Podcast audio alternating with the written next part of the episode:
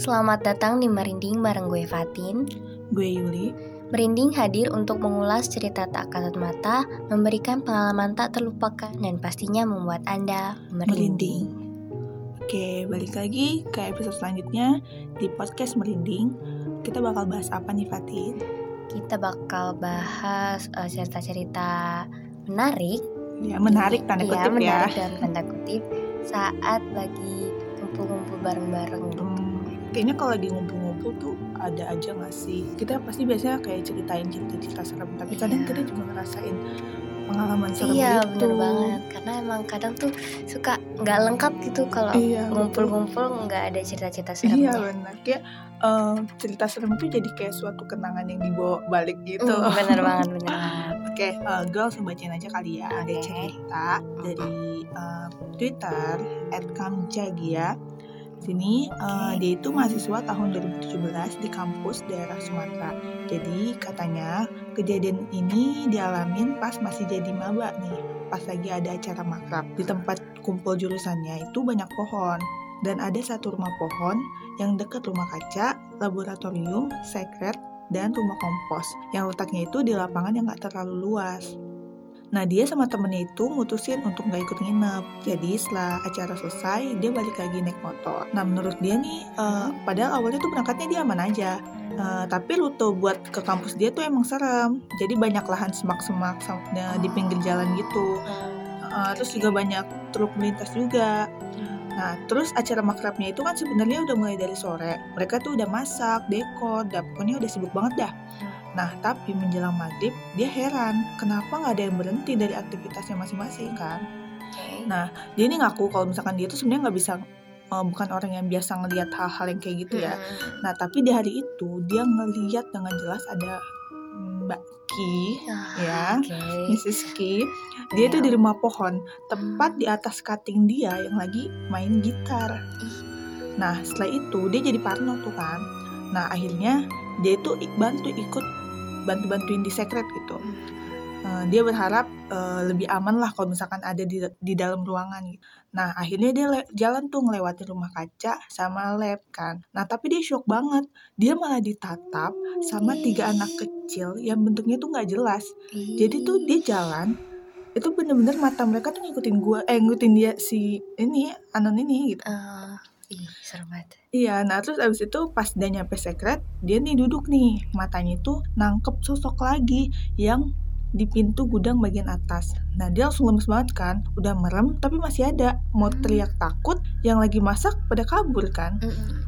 Makhluk itu nggak pergi-pergi, akhirnya dia mutusin buat balik lagi ke lapangan, yang mana harus lewatin lagi rumah kaca sama lab tadi. Dan bener, si anak tiga anak kecil tuh masih ada di situ.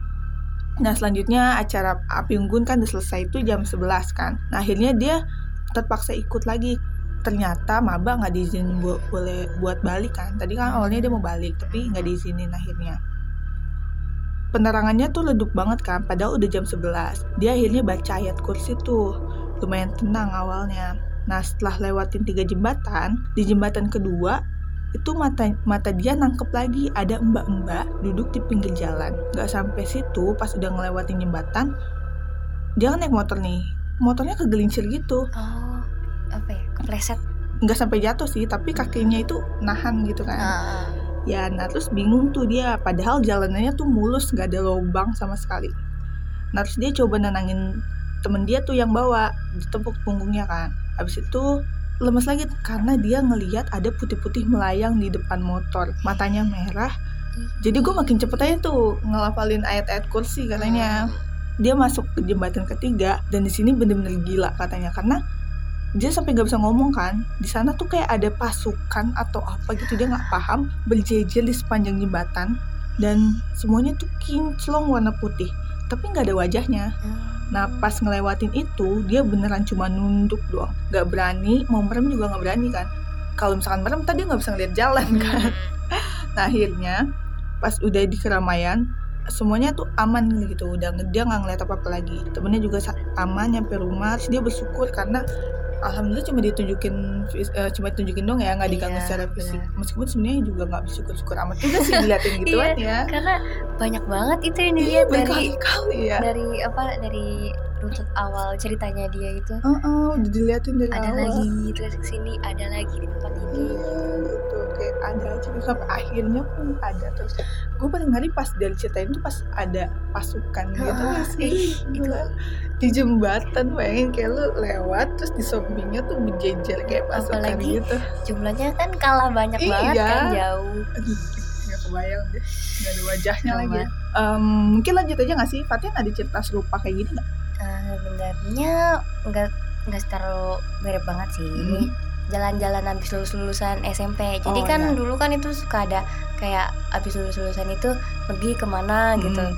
nah kebetulan kita ini ke salah satu villa di daerah puncak secara villa sih enak-enak aja nyaman-nyaman aja nggak terlalu yang serem-serem banget Hmm. terus paling jalanannya juga ya nggak bagus-bagus juga gitu kayak Iya. banyak yang berantakan-berantakan cuman masih oke lah gitu masih bisa nyaman kita di tempat di situ kelas gue ini ceweknya lebih banyak gitu kan. Jadi yang cewek-ceweknya ini di pada tidurnya di kamar. Jadi kamarnya ada tiga gitu di bagian apa ya, tiga grup lah gitu istilahnya. Yang satu di bawah kamarnya di deket lorong gitu. Jadi lorongnya itu lucu banget karena lucu. Gimana ya? Bukan lucu eh, konsepnya tuh agak unik. Unik iya. Oh, jadi iya. kayak lorong eh, sebelah kirinya itu eh, tembok. Nah sebelah kanannya itu jendela. Jadi bener-bener Oh. sebelah yang kanan itu bener jendela los gitu banyak gitu. Oh, jendelanya tuh jadi lu bisa Ngadep ngeliat ke- keluar ya? iya ngadep keluar. Oh. kebetulan luarnya itu ada kolam renang sebelah sononya kebun bambu. Wow. Yang sangat rindang gitu. Wow, wow, karena kan ya. emang di daerah pegunungan gitu kan ya pasti kayak rindang banget gitu. Kamar kedua itu ada di lantai atas kanan sama kiri gitu. Yang kiri pokoknya ada kelompok lain terus yang kanan itu baru uh, kelompok yang ada gue nya oke. Nah sebenarnya masih biasa-biasa aja sampai tengah malam eh tengah malam sampai makan malam gitu kan dipanggil tuh pada ke bawah ayo sini makan dulu. Udah Ya udah gitu baliklah nih ke atas. Semua udah pada mau siap-siap mau tidur. Nah ini dia ini sebenarnya yang agak eh, menyesali juga sih sebenarnya Apa karena kan eh, biasa ya kalau cewek-cewek itu kan kalau malam-malam itu suka ada cerita-cerita dulu kan. Oh, oke. Nah cerita-ceritanya di sini tuh emang kok iseng banget sih. Karena padahal kayak tahu gitu kan kalau misalkan mereka diceritain kan karena suka nimpul Hmm, nimbrung gitu kan ikut iya, nimbrung.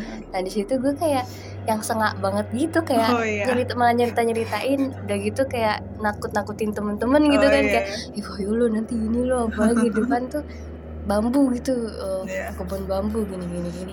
Nah di situ tuh kayak mereka kayak iya apaan sih lo apaan sih lo? Akhirnya kayak kita yaudah yaudah deh enggak bohongan kok bohongan bohongan gitu gitu Hmm. doang. Akhirnya udah tuh tidur. Ternyata besok paginya ini kita dengar eh, cerita dari kamar bawah. Katanya malam-malam itu di kamar mandinya eh, kamar itu ada yang mandi, Mandi. kayak jebar-jebur gitu loh padahal Hmm. tengah malam mungkin jam 12 jam satuan gitu Iya. bunyinya itu kayak orang mandi pakai gayung pakai ember gitu kayak jebar Oh, jebur oke. jebar jebur padahal di kamar mandi tiga tiganya semua kamar mandi di situ nggak ada yang pakai ember pakainya shower gitu kan. Oh, iya makanya kan itu suara dari mana ya apa mungkin tetangga masa tetangga tapi kan Jauh jauh, ya banget namanya ya. villa gitu kan Uh-uh. satu kom- eh, satu satu komplek Kawasan ini satu gitu kawasan ya. gitu cuman satu rumah doang gitu Mm-mm.